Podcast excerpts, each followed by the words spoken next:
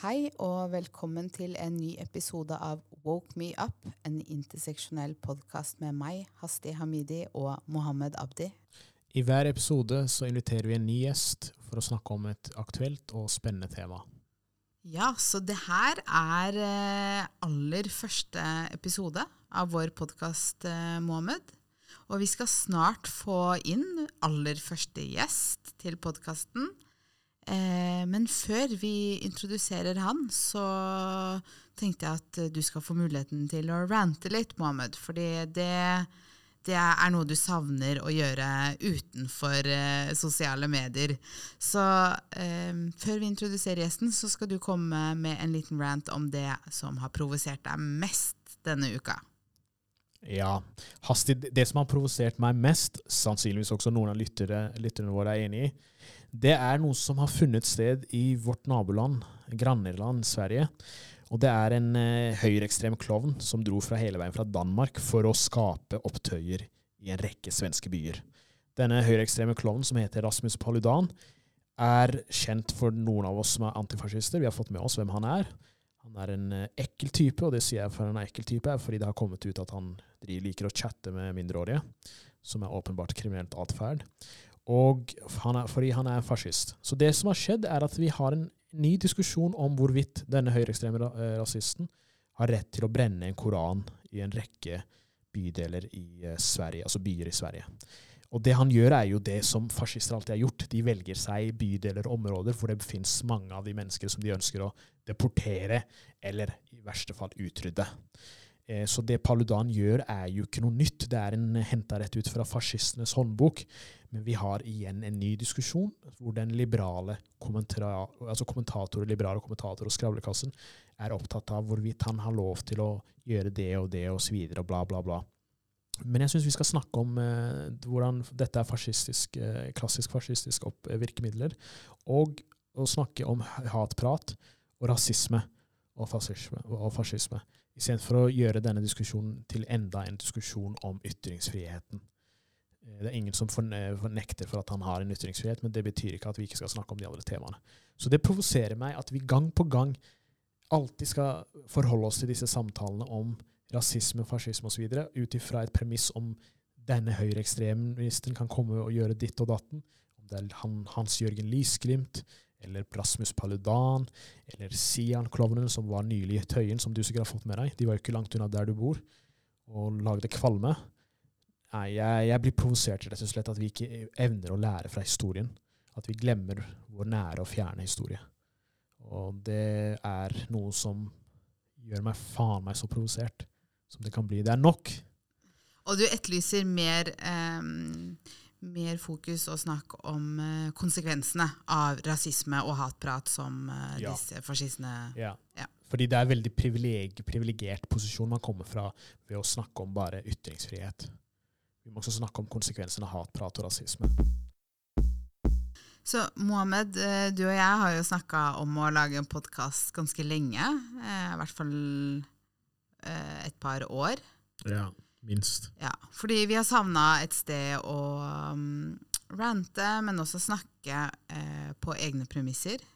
Mm. Og um, løfte opp uh, ulike temaer som handler om uh, ja, interseksjonalitet og um, antidiskriminering.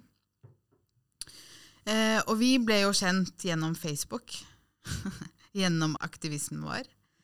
Eh, så da passer det litt fint at vår første gjest er en medaktivist. Så jeg skal la deg introdusere deg sjæl, vår aller første gjest, men også vår venn. Eh, hei, jeg heter Luka Dalen Espeseth, bruker han-ham som pronomen. Er transaktivist, tror jeg først og fremst. Eh, trans, mann, trønder, hvit. Kjønnsviter. Sånn faktisk har en mastergrad i kjønn. Um, ja, jeg vet ikke. Andre ting som er relevant? Nei. Vi inviterte Luka først og fremst egentlig å bli klokere, rett og slett, og for at han skal krenke cis-folk. Så det er derfor uh, Luka er her. Yes. Så jo mer krenkel, krenket de lytterne som er cis-folk blir, jo mer jo, jo, jo, mer lykkes vi med dette her. Da har vi truffet. Ja. Så det er, det er, stort ansvar. Eh, eller er det det? Jeg tror det er ganske lett å krenke cis-folk, er det ikke det? Altså, All erfaring tilsier at det er veldig lett å krenke cis-folk. Eh, det, det er en gruppe mennesker som har Ja, de får veldig fort vondt i sissen, som jeg pleier å si. Det, ja. Ja. Men kan vi egentlig begynne med, for de som ikke har forstår begrepet cis, hva er cis? Ja, det kan jeg si. Uh, så uh, begrepsparet cis og trans da, er latinske prefiks, som betyr, uh, hvor cis betyr på samme side som, og trans betyr på motsatt side av, eller i bevegelse vekk fra, eller something like that. Det er sammenlignbart med begrepsparet homo og hetero, og hvor trans betegner de av oss som opplever å være et annet kjønn enn det vi blir registrert som ved fødsel, og cis betegner de av oss som opplever å være det samme kjønnet som man blir registrert som ved fødsel. Eh, Så cis-folk kommer i to utgaver, det er kvinner og menn, mens eh, transfolk i grove trekk kommer i tre utgaver, kvinner, menn og ikke-binære folk. Og ikke-binære folk er dem som ikke er kvinner eller menn. Hvor er det vi skal begynne egentlig når vi skal snakke om dette? Fordi jeg mener at vi må snakke om rettigheter og kår, og ikke om dette evinnelige debatten om kjønn og kjønnsidentitet som noen vil snakke om. Ja, altså, jeg er enig i det. Jeg tenker at det er irrelevant hvordan jeg forstår kjønn, eller hvordan en gitt transperson forholder seg til kjønnsteori. De aller fleste forholder seg ikke til kjønnsteori i hverdagen sin, eh, og det er irrelevant for den diskrimineringa folk opplever, og det er også irrelevant for de liksom, livsvilkårene folk har. Eh, og jeg kjenner at jeg er dritlei av debatten om hvorvidt noen mener at jeg er mann, og at alt som skal til for at jeg skal få lov til å være det, at jeg selv sier det. Um, det er bare en helt sånn uinteressant debatt å ha. Poenget er at jeg har, eh, og det mener jeg, ytringsfrihet. Uh, den burde jeg få lov til å ha, som gjør at jeg får lov til å si setningen 'jeg er mann', uten at staten eller andre skal kunne sanksjonere meg på bakgrunn av det. Uh, når jeg blir utsatt for diskriminering som skjer fordi jeg er trans, så må jeg kunne adressere den diskrimineringa og ha et vern mot den. Og jeg burde få lov til, som alle andre mennesker, å kle meg sånn som jeg vil, og ha en viss råderett over min egen kropp. Og så kan folk gjerne si at de ikke tror på at jeg er en mann, og det er det ganske mange folk, spesielt på Twitter, som er veldig opptatt av at jeg ikke er. Uh, men det er jeg jo. og jeg er det også i vel, innenfor veldig mange måter å forstå kjønn på, så vil jeg også være det eh, i den værens eh, Uansett hvilken idé om væren du forholder deg til, så vil jeg for de aller fleste mennesker også liksom lese som mann, forstå som mann, eh, ha mannlige privilegier, for, eh, liksom bli lest som en mann. Det gjelder ikke nødvendigvis for alle transfolk i alle tider, men det er helt sånn eh, bullshit da, å bare si kategorisk at du mener at transfolk aldri noensinne kan være. Det skjønner vi si at vi er. Da har du kriterier for kjønn som de aller fleste cis-folk heller ikke vil klare å leve opp til. Når de prøver å definere liksom hva en mann er, så vil jo jævlig mange menn ende opp med å feile. da. Eh, og når de lager regler for hvem kvinner skal være, så ender jævlig masse folk opp med å feile. Eh, og så bare er det ikke interessant, da, fordi ingen bryr seg. Ja. Eh, Og en, altså, noe av det som fikk oss til å sette i gang med denne podkasten og ikke bare prate, var jo den, faktisk den pinlige debatten på NRK. Eh, hvor det var tydelig transfobe eh, holdninger som ble sagt. Husker dere det, Når var det? det var, eh, Hvis jeg ikke husker feil, så var det i februar. og vi ble jævlig provoserte. Eh, veldig mange andre ble provoserte. Og jeg kan bare tenke meg eh, Altså, jeg har privilegiet til å bli provosert, men det, det hatet som ble ytra der, det treffer jo ikke meg personlig. Eh, men, eh, men ja, hvordan, hvordan var det for dere eller for deg å høre på den debatten? Eller gadd du? Jeg så debatten, men det var fordi jeg hadde altså Det var de gulle beste transfolkene som var med. da Det var Alexander Sørli og Kristine Marie Jentoft, og dem er jo De var helt rå. Det Det må vi, rå, bare- det må vi nevne. Ja. eh, De er helt sykt rå, og jeg visste at de kom til å liksom naile den debatten. Men jeg tenker at den debatten er veldig talende for hvordan det står til med den såkalte transdebatten da, i norsk media. Man eh, putter jævlig mange temaer inn i én samtale. Eh, Noe handler spesifikt om transfolk. Veldig mange ting handler ikke spesifikt om transfolk. i Det her landet. Det handler om liksom, juridisk regulering og idrett og liksom, masse tull som ikke nødvendigvis bare handler om oss. Inn i samme debatt. Man tar ikke redelig for seg hvert av de punktene og faktisk liksom forklarer hva det er som skjer, og presenterer motargumentene og forargumentene og liksom kommer til en konklusjon. Man bare kaster det ut der. Og så putter man på transfolk i rollen som trans, og som skal forsvare sitt eget liv. Og så putter man på eh, noen såkalte eksperter som kan et eller annet om ett av de fagfeltene man toucher inn på, men som ikke kan noe spesifikt om verken kjønn eller trans, i rollen som ekspert i kraft av å være cis-person som mener et eller annet om kjønn.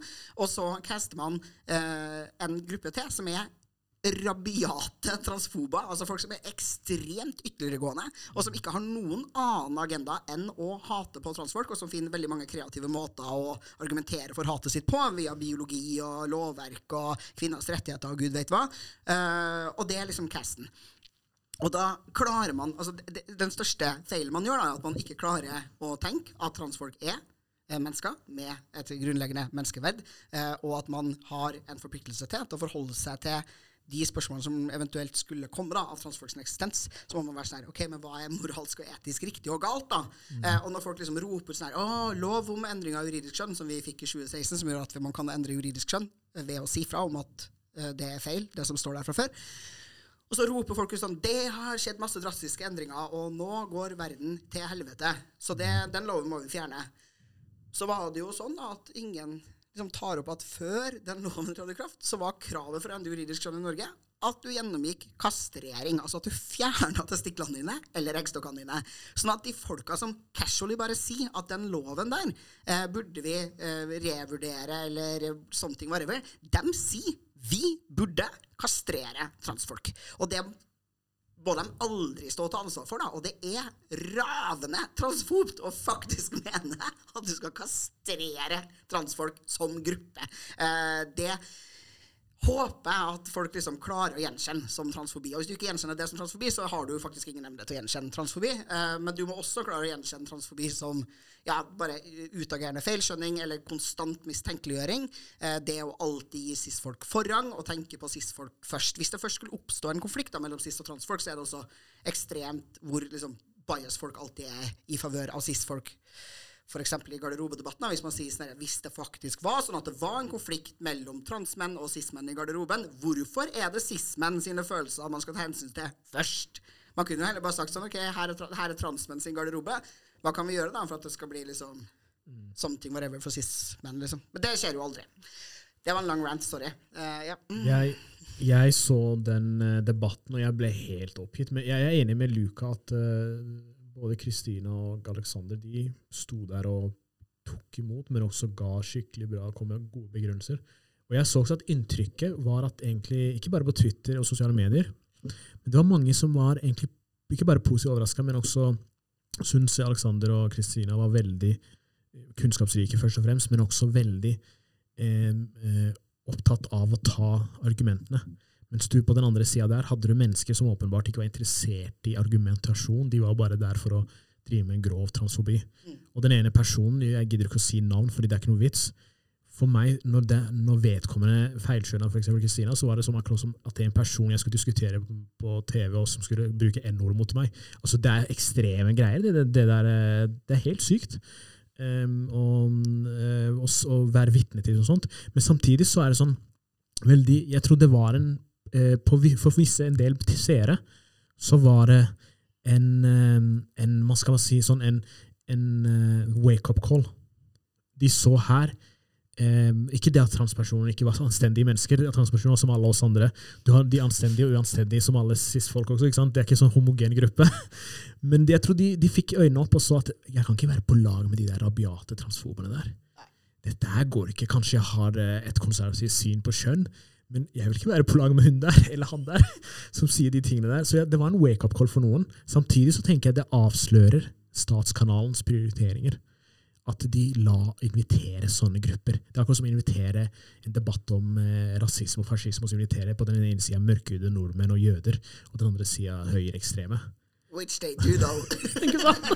Det er på det nivået, hvis vi må være helt ærlige. Men det har jo skjedd ja, på ja. Dags 18. Altså, ikke sant? Det, det har jo, skjedd, ikke sant? Det har skjedd, Så det er egentlig, det er ikke noe bare hypotetisk. Det har skjedd. Det har funnet sted. Så det, det bottom line her er både rasisme og transfobi fins. Jeg snakka med begge dere om det, men hvordan vi blir satt i en posisjon der vi må eh, rettferdiggjøre vår egen eksistens. Um, og vi blir sidestilt med de som ikke eh, mener at vår eksistens er legitim, da, på lik linje med dem. Og vi blir sett på som likeverdige parter når det ikke er tilfellet. Og det er jo helt vanvittig når man ser det sånn i det, fordi det skjer jo sant, i eh, mindre og større grad i hverdagen. Sant, med, I arbeidslivet, boligmarkedet. Så, så skjer jo det her. Eh, I hvert fall hvis man er en synlig liksom, bryter med en norm. At det er synlig at man bryter med en norm, da, enten hvithetsnormen eller kjønns- og kjønn- og seksualitetsnormen. Eh, men, men ja, det er noe med å se det så tydelig på, på TV. Man, som- man lager et premiss om at eh, man skal snakke om temaer som sikkert mange er opptatt av. Det, det syns jeg man skal snakke om de temaene. Om det er rasisme, om det er trans, eh, eh, transpersoners eh, rettigheter osv. Men man gjør det på et premiss som er helt sånn der eh, høl i huet, for å si det sånn. Og det er at man eh, inviterer, altså ikke inviterer bare, men man sier ja, du er transperson, du vil snakke om disse rettighetene du ønsker å få på lik linje med alle andre borgere i dette samfunnet her, ikke sant? for å være veldig sånn svulstig. Og så har du, ja, du er en som fornekter eksistensen av den personen der. altså, det, det, vi er ikke på to linjer. Det er ikke, to, det er ikke sånn likeverdig i dette her. Det er ikke, det er ikke en debatt som eh, eh, om er du for eller mot bom eller eh, ny fiskeripolitikk. Eller sånn. Vi snakker om to forskjellige planeter. Og det er det som skjedde. Det, det skjer på flere tem tema temaer som vi skal komme tilbake til i podkasten. Og ikke bare dette temaet her. Og, og både du, Mohammed, og jeg har jo takka nei til å være med på um, Dags 18 veldig mange ganger. Og sist gang så sa jeg fra at nei, det gidder jeg ikke, fordi premisset er bare helt Det, det, det gidder jeg ikke å være med på. Og da fikk jeg kjeft da, eh, om at eh, vi var så mange som boikotta å være med. Men det er bare det, er, Kanskje man burde endre litt på hvordan de Fordi det går fint an å prate. Det går veldig fint an å snakke sammen om ulike temaer. Problemet er når premisset er helt feil, og premisset er rasistisk, og premisset er transfobt, som det i de fleste tilfellene er. Men jeg vet at du, Luka, du har jo vært på dag, altså det er sånn, Jeg elsker å se deg på Dags 18, fordi du er helt rå, og du nailer det, men det er bare eh, Ja. Du, du, du, er du komfortabel? Nå har du vært der såpass mange ganger at det er liksom det er sånn der taxi inn og taxi Jeg har ikke vært så mange ganger på Dagsnytt. Jeg tror jeg har vært der to, liksom. Er det bare to ganger? Ja, kanskje tre. Ja. Altså, Luka har vært der så mange ganger at eh, det, noen tror at translobbyen eh, bestemmer over NRK. Det er, eh, de har sterke, sterke krefter fra translobbyen som styrer NRK. Jeg skulle bare visst at jeg er sammen med en NRK-journalist. da. Den den dagen det kommer ut. Da. Hei, Marte. Men, eh, men jeg skulle si at sånn, du, det, det- bare det du nevner der, da, sånn her, du fikk kjeft fordi vi var så mange. De sa dere, dere var så mange som nekta å boikotte. For det er bare sånn, eh, jeg antar at dere er noen rasifiserte folk, eller hvem er det som Hvem er dere? Ja, oss uh, raddiser, da. Og ja, det var reddisene. ok. Ja, Anti- eh, antirasister. Ja, ja, Ja. altså eh, Ikke, ikke hvite antirasister, da. Ja. Rasifiserte antirasister. Mm. antirasister. Men Men det er jo i utgangspunktet en insane rasistisk ting å si. Men det, ja, det, ja, ja. Men, men det er et problem, fordi uten å gå så mye inn på det, for jeg har lyst til å gå tilbake til noe du sa, Luka, det med andre sånn temaer som ikke bare angår oss. fordi de andre temaene som angår transpersoner som politikk lik med alle andre, er jo det som arbeids, eh, i arbeidslivet. Eh, folk som blir diskriminert i utelivet, eh, sosiale, eh, altså sosiale rettigheter osv. Og, og det med den evinnelige debatten om behandlingstilbudet, som du f.eks. har jobba mye med. Men det, det er en sånn der, eh, tendens til at man fremstiller som at mennesker, når, de, når noen av oss sier at vi ønsker ikke å være en del av dette, denne samtalen, denne debatten, så er det plutselig vi er et problem. Vi er eh, det egentlige problemet. Vi er trusselen. Vi er den som ønsker å sabotere demokrati og sivilisasjon og hele pakka og fandens oldemor. Og det, og det syns jeg er veldig sånn der, eh, hersketeknikk. Å si til folk, fordi de takker nei til å bli med på noe, at de er et problem. Fordi du takker nei. Det, det, det føles som det er ikke ytringsfrihet, det er ytringstvang. Du blir tvunget. Du, ja, nå skal du komme her og snakke med den rabiate transfoben eller rasisten. Hvis ikke, så er du imot ytringsfriheten. Det er jo latterlig. Ja, men, men det er jo det. Altså, det er ytringstvang. ja. Og i tillegg så tenker jeg at det er ganske, det er ganske grunnleggende i forståelsen av hvordan en samtale foregår, da, enten én-til-én eller den offentlige samtalen, hvis man kan snakke om noe så svulstig, Mm. er jo at det er noen ting som blir sagt, og dermed er det jævlig mange ting som ikke blir sagt. Mm. Sånn at hvor fokuset er, hvilke premiss som legges, er jævlig viktig. For det er bare så og så mye samtale det er plass til da, i det offentlige rom. Mm. Så det er, man kan ikke bare være sånn herre ja, men hvis du ikke vil delta på det her, så ja, så saboterer du den offentlige samtalen. Eller så Ja. Du må gå med på et hvilket som helst premiss. da. Jeg bare syns at det er bullshit. Mm. det var Og det er jo litt sånn som du var inne på din rant i stad, da, men uh, det vi ikke snakker om, er jo konsekvensene av hatet. Og det blir jo særlig problematisk når uh, transfober får såpass mye spalteplass og taletid. NRK, Dagbladet, Klassekampen. Eh, og ofte uten at, uh, uten at uh, avisene eller mediene gjør en kvalitetssjekk på det de sier. De mm, ukritisk publiserer og lar uh, kjente transfober publisere ganske mye. Eh, og, men det er konsekvensen av det, da. Fokuset burde jo være der. Altså, det er så store konsekvenser av transfobi og den strukturelle transfobien som er, som, eh, kommer, eh, som synliggjøres i helsetilbud. Altså manglende helsetilbud, eh, kan man vel egentlig si. Ja. Eh, Som fører til eh, ekstrem påkjenning for unge transpersoner særlig. Eh, I verste fall kan ende med altså, selvmord. Vi må bare være ærlige om de tingene. Men jeg tenker også det, er, det sier mye om hva man prioriterer. Da, ikke sant? Fordi um, mitt sånn innbi- altså Når jeg ble opptatt ikke Det blir litt sånn, veldig sånn der, snakke fra en privilegert posisjon. eh, privilegert. Men jeg, når jeg fikk sånn, jeg prøvde å lese meg opp og prøve å snakke denne transpersonen osv., som Luka for eksempel, som jeg har lært mye av. Og eh, så, så så jeg at det, mye av dette handler om klasse. Og mye av disse spørsmålene handler om klasse. ikke? Det, det er en faktum En av de første rapportene som kom ut i fjor, så handla om transpersonens levekår. Den forsvant hvis jeg hadde tatt en retriever Ikke bare at vi skal snakke om mediebildet, vi kan snakke om andre ting også, selvfølgelig. Hvis jeg, hvis jeg hadde tatt et retrieversøk, så hadde vi sett at den rapporten har kanskje ikke blitt nevnt mer enn ti ganger.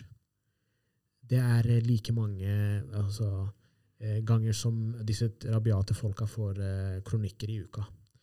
Så det sier noe om et samfunn, og særlig et media, som er opptatt av å ta opp disse snevre stemmene som åpenbart har en agenda om å si at disse menneskene eksisterer ikke, istedenfor å snakke om eh, marginalisering i arbeidslivet, marginalisering i boligmarkedet, eh, dårlig helsetilbud, eller ikke-eksisterende, for å være helt der, helsetilbud, som gjør at mange transpersoner havner i en uh, verre posisjon enn f.eks. andre skeive grupper.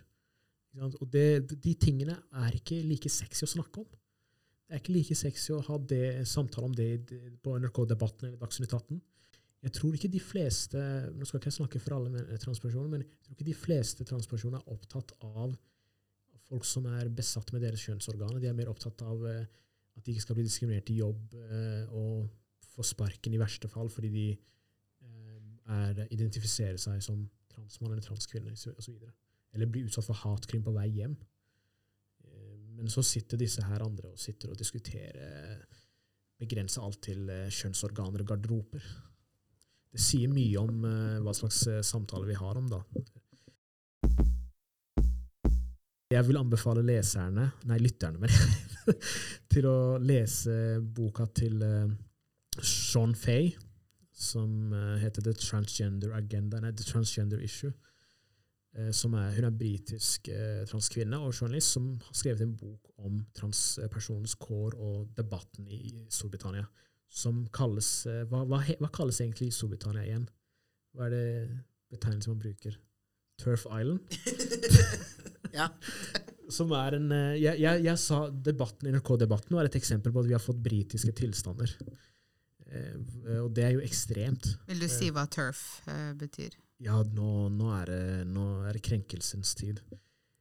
turf er en betegnelse som egentlig en radikal feminist, som er cis-person, kom med, som betyr trans-exclusionary feminist. Ja, jeg tenker at de skiller seg Altså, De er betegnet som turfs. Altså, ja, de har til felles at de alle sammen er transfob, men de skiller seg fra den gjengse transfoben med at de har en særlig måte å drive sin transfobe retorikk på, da, som tar utgangspunkt i en sånn såkalt feministisk analyse. da, Og at man eh, bruker kvinner og kvinnekampen spesifikt som en brekkstang for å liksom knuse transfolk og våre rettigheter. Eh, og så edder man gjerne også barn til det. Kvinner og barn, de mest sårbare eh, blant oss alle. Eh, og det er Eh, liksom, ja, bare en litt egen måte å, å være transfob på. Da. Som jeg tenker at det er viktig at man benevner, fordi de får, i motsetning til en del andre transfober, så får de uh, urovekkende mye gehør og veldig lite motstand. Nettopp fordi ingen har lyst til å si imot noen som snakker om kvinner sine rettigheter. Fordi kvinner sine rettigheter eh, er vi alle for, og det er vi jo. Eh, og det finnes definitivt eh, det en, ja, ja, det er en pågående marginalisering av kvinner i samfunnet. Uh, og det er masse ting uh, vi burde prate om der. Men det er ikke sånn at det er transkvinner eller andre transfolk som ødelegger for kvinner sine rettigheter av kvinnekampen. Og det er sånne ting som ofte kommer tydeligere frem rundt 8. mars hvert eneste ja. år. Veldig forutsigbart. Mm. Som, for eksempel, som har ført til at, at, det har vært to tog. Som igjen jeg, jeg har lagt merke til, La oss snakke litt om det. fordi det, det, er noen som reagerte sånn Nå er det splittelse i kvinnebevegelsen. No shit, den har vært splitta siden 1860-tallet, eh, sikkert hvor du hadde feminister som også var rasister. så hadde du de feministene som var antirasister. Det har vært splittelse i kvinnebevegelsen så langt som man kan huske. Men det er noen som fremstiller dette her som et problem. En det er ikke et oppmuntring til segregering, det er nødvendighet man gjør det. Så det var jo eh, tusen, to, noen par tusener som dro på den, eh, det toget der, det alternative toget. Um, som var mye kulere, har jeg hørt. Mye bedre stemning. Um, og, så det er ikke, jeg syns det er sunnhetstegn at man har uenighet innenfor bevegelser også. Definitivt. Men så er det også det, det, det, man kommer tilbake til det samme problemet som handler om den liksom-vektinga av debatten. Da. Man blir sånn at vi liksom bidrar til splittelse eller polarisering av en debatt. eller hva og så sånn her, vet du ting? Jeg har ikke blitt radikalisert en plass. Jeg har stått helt rolig på samme sted. Og alt jeg krever, er de samme rettighetene og mulighetene i livet mitt som jeg mener at alle andre mennesker har tilgang på. Nå er det riktignok ikke alle andre mennesker som har tilgang på det, men i utgangspunktet. Mm. Mens de her transfobene har blitt mer og mer radikalisert, mer og mer ytterliggående. De går lenger og lenger i hvilke rettigheter de har lyst til å angripe, og hva de har lyst til å ta fra oss. Og så eh, framstår jo debatten da som stadig mer polarisert, og miljøet som mer splitta, eh, hermetegn, over tid. Og så får vi skylda. Så er det liksom vi som må nærme oss dem. Jeg, bare sånn, jeg, kan, ikke rikke, jeg kan ikke rikke meg. Det fins ikke noe alternativ til min posisjon. Det, det, er ikke sånn at jeg kan være sånn at jeg går med på litt transfobi. Nei. Mm. Litt transfobi er på en måte all transfobien på en gang. Det spiller ingen rolle om det du gjør, er sånn Nei, å, sorry, jeg bare orka ikke lære meg det nye navnet ditt. Jeg på en måte det, det, er ikke like ille som, men det er det samme som å kastrere transfolk. Det er transfobi. Liksom. Enten så anerkjenner du fullt ut at vi har de samme menneskerettighetene som andre, eller så gjør du ikke det. Det er en enten-eller-situasjon. Orker ikke. Men hvis vi, La oss gå tilbake til eh, sånn, eh, det med behandlingstilbud osv. Kan du kan, kan, kan, vi snakke litt om det? Hvordan er ståa i dag? Jeg tenker at det her jeg skal slippe inn sånn reklame for den podkasten jeg unektelig lagra, som heter Trans Norge, eh, som du finner der hvor podkaster bor.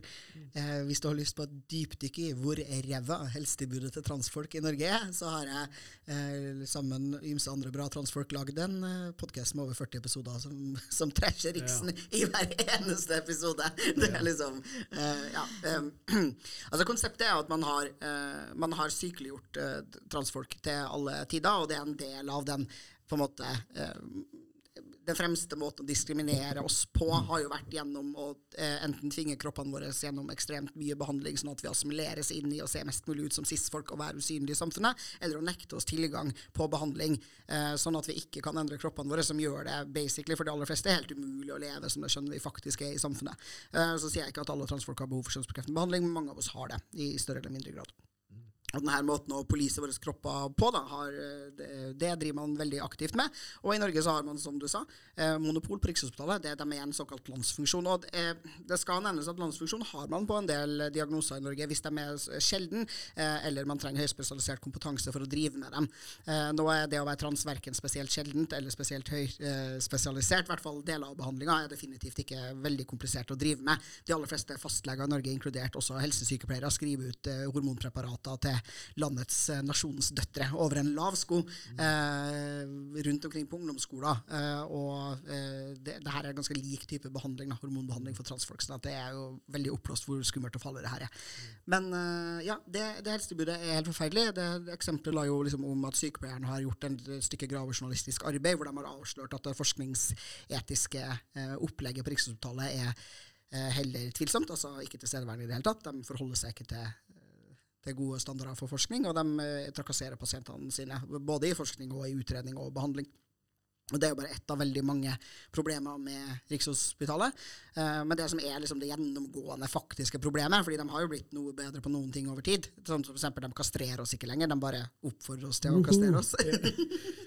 um, så de tvinger oss ikke lenger til å bli kastrert, men de uh, sier at det er veldig lurt hvis vi blir det. da. Um, men konseptet er jo at de er grunnleggende transfobe. Altså man har en uh, modell hvor man tenker at transfolk har mindre evne til å vite hvem de er, enn det cis-folk har, og at vi har mindre evne til å ta informerte valg på vegne av eget liv. Da. Eh, og så eh, gir man da behandling til en nøye selektert gruppe. Og her tenker jeg at det er også viktig å nevne eh, klasseperspektivet. fordi altså, sånn, eh, De som blir nekta tilgang på behandling, da, som er relativt mange, vil jo i stor grad kunne få tilgang på kjønnsbekreftende behandling, som er livsnødvendig for transfolk som trenger det, eh, hvis du har penger til det. Ja. Og så er det også sånn at i det behandlingssystemet som er. Altså, sånn her, eh, din oppgave som transperson i det behandlingssystemet er at du skal sitte overfor en cis-person og så skal du overbevise dem om at du er det skjønner du sier at du er.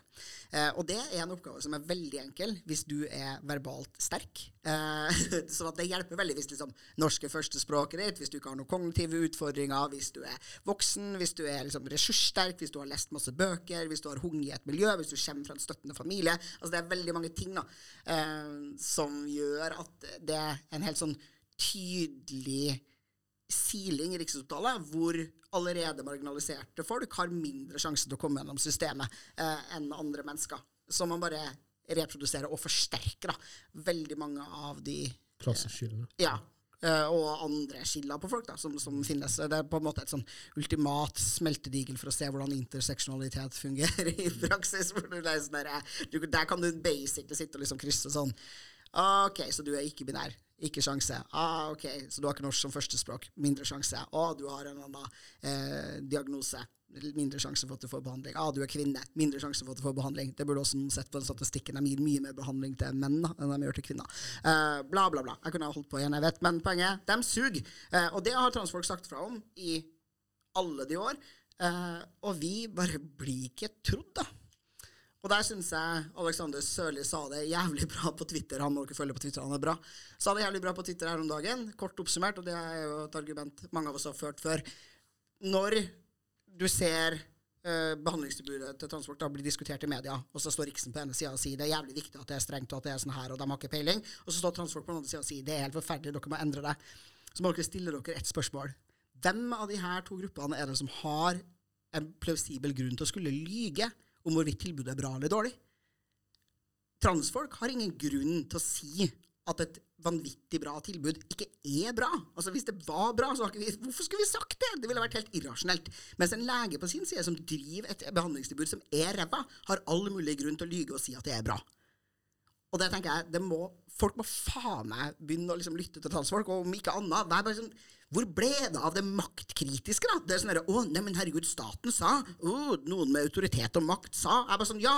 Og da bør du alltid være kritisk, og ikke være sånn kritisk sånn at du slutter å vaksinere deg. Vær sånn kritisk sånn at du fuckings begynner å tro på transfolk når vi sier ja. behandlingstilbudet er helt jævlig, liksom. Vi får ikke helsehjelp. Det finnes jo noen levekårsundersøkelser der transpersoner også er inkludert. Eh, og det kommer jo veldig tydelig frem, da. Eh, problemet er jo ikke å være trans, problemet er hvordan du blir møtt som transperson. Jeg tror det er ganske mange som nok tenker at det er, at det er iboende sykt da, å være trans. Ja. Altså sånn Som faktisk ikke forstår at når transfolk gjør det dårlig på levekårsundersøkelser, så handler ikke det om at vi er trans. da. Jeg tror de tror at det ja, ja, men det handler litt om at du er trans. fordi det er liksom eh, Så jeg tror det, det, er ganske lang vei til man faktisk har plukka av seg all transfobien man uh, bærer på. da. Det tenker jeg selv også. Jeg gjør transfobe ting stadig vekk. Det er veldig vanskelig faktisk å la være i en, en verden som er så gjennomgående transfob, da, som den jeg opplever at jeg lever i. Men det minner jo litt om uh, andre grupper, hvordan, for å bruke den betegnelsen, andre grupper har blitt behandla tidligere i historien. Man har jo sykeliggjort homofile også. ikke sant? Det er jo det er, det er veldig sånn Jeg har lagt merke til at eh, noen uh, aktivister eh, bruker den eh, historiske sammenligningen, og det syns jeg er egentlig veldig bra å gjøre det. Å vise hvordan man sykeliggjorde skeive mennesker. Altså, det, er en, det er greit å trekke de historiske sammenligningene, og det, den er også eh, Brita Møystad gjorde jo det eh, i en kronikk hvor hun svarte en uh, voldemor. Nei, vet du. Valdemar. En person, ikke sant? Hun trakk dette her og uh, Du mener da hun svarte transfoben? Rikstransfoben? Ja. En av Ja, dem? ikke sant? Og det som skjedde, var at eh, det var mange eh, som likte den kronikken, og, fordi hun snakka jo fra levra, som man sier.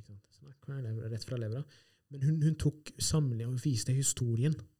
Jeg er ikke historiker, men jeg er tilhenger av det. At man må man vekker noen mennesker ved å vise det du gjør nå, er det som man gjorde mot den, de gruppene før i tida. Og det er veldig bra, men jeg blir litt provosert over at vi må ty til de midlene da, for å liksom eh, Ja, det, er, altså, det er flere ting som er problematisk med det. For det første så tar man ofte sammenligninger hvor man, hvor man ender opp med å underspille um, at det fortsatt for eksempel finnes homofobi. da. Ja. Eller man blir større, man, Veldig ofte ser man i debatt sånn, oh, det ville du aldri sagt om en svart fyr. Så er det sånn eh, Hell, they would, they do, every day. Altså, det er liksom, uh, det er, Noen ganger så er ikke sammenligninga eh, ikke relevant eller overførbar, og man neglisjerer litt. da. Er strukturer som fortsatt fins, og undertrykking som fortsatt skjer. Men, men jeg tenker at eh, trans og homo er gode ting å skulle sammenligne, men jeg blir også stadig vekk overraska over hvor lite historisk vi har lært av ting. da. Sånn som I disse dager så er det liksom jubileum for at det er 50 år siden vi avkriminaliserte sex mellom menn i Norge. Eh, debatten der har handla om en sånn slags sånn klapp på skuldra til Norge, som har avkriminalisert det her, og så flott og fint det er å være homo her i landet. Eh, ingen snakker om at Norge var seint ute. eh, med å avkriminalisere sex mellom menn. Ingen snakker om hvordan det også ramma transfolk i veldig stor grad. Eh, og liksom, eh, ingen snakker om at herregud, vi tok moralsk vi tok moralsk feil. Da. Vi, vi behandla mennesker som dritt, eh, og vi forsto ikke altså Veldig mange folk forsto jo, noen folk bare hata homoer. Eh, og så må man, hvis man skal faktisk lære av det, så må man sette seg ned og være sånn Ok, men hva er det som er moralsk og etisk rett og galt? Istedenfor å bare være sånn Jeg bare føler og tenker det her, fordi det er det som er det gjengse å føle og tenke i den samtida du lever i. Og du altså, hvis du tenker sånn her, ah, hvis jeg hadde levd for 100 år siden, så ville jeg garantert vært en sånn person som forsto at rasisme var galt, og som forsto at homofobi var galt. Og så er jeg sånn No, you would probably not, da. Fordi du ikke klarer å sette deg ned i din samtid og tenke hva er det som er riktig og feil? Hva er det som er moralsk rett og galt? Og folk tenker ikke over det. Bare sånn, de bare er sånn, nei, men Jeg bare føler at jeg ikke syns at transfolk burde få lov, og sånne ting, og jeg skjønner det ikke helt, og bla, bla, bla. Og så bare anerkjenner man ikke men så- Men vi står jo her i en helt sånn grunnleggende rettighetskamp og si at vi blir diskriminert. Hvorfor skulle vi lyge? Nok en gang stiller jeg det spørsmålet. Hvorfor skulle transfolk ha noe Hva skulle grunnen vært til at vi skulle gått ut og lata som om vi blir mer diskriminert enn det vi faktisk blir? Men, men det, det du sier der på slutten der, Luka, eh, er veldig viktig. Det med Folk tror at de ville tatt den, den posisjonen hvis de levde under apartheid-regimet, eller slave når slave, slaveri eksisterte, eller for 50 år siden, eller 60 år siden når man hadde et annet syn på homofiles rettigheter osv. Men realiteten er at jeg tror noen mennesker hadde hatt de samme bedritne meningene, eh, for å si det rett ut, som de fortidens mennesker hadde. Og det argumentet det må være feil side av av historien. Det er noen av dem som misliker det når, jeg, når vi bruker det. De, de, fordi de syns det er svulstig at man eh, sier at den posisjonen man har, er den riktige på historiens side, mens den de har, er feil side av historien. Men det er jo noe som er relativt enkelt å se, og det er at når du står for en antidiskrimineringsposisjon, så er du mer riktig, på riktig side av historien. Mens du, hvis du står for en eh, posisjon hvor du reproduserer, eller til og med aksepterer og normaliserer diskrimineringen, så er du helt lost. Det bør det påpekes. Men jeg er helt enig i at man må være forsiktig med disse sammenligningene, fordi det er også eh, en fare med at man kan bagatellisere at det eksisterer disse formene av rasisme og homofobi osv. Men samtidig så kan det også være med å eh, eh, altså, eh, sånn, eh, Ikke svartlegge, men eh, fjerne ulikheten også. Ikke sant? For noen av de fremste transfobene i dag er jo skeive selv.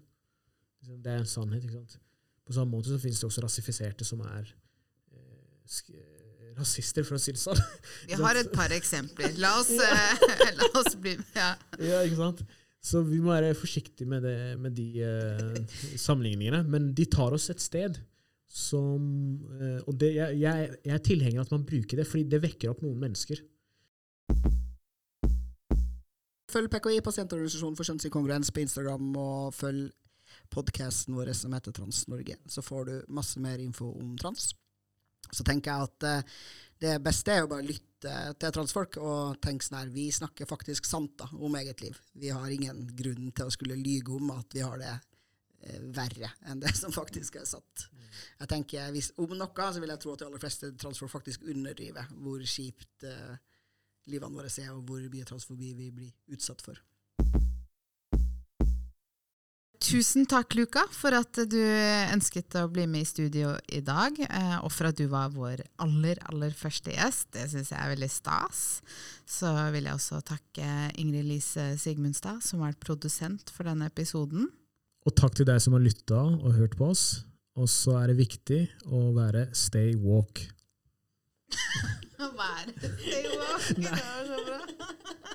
Ja, det var litt- det er altså det språket til Norge. Det var er litt søtt. jeg er Det var norsklærer. litt- Ja, det, ok, ja. Stay walk, people. Keep it real. Du klarte ikke å bare si stay woke. Du, Nei, for deg. Ja, ja. Stay walk.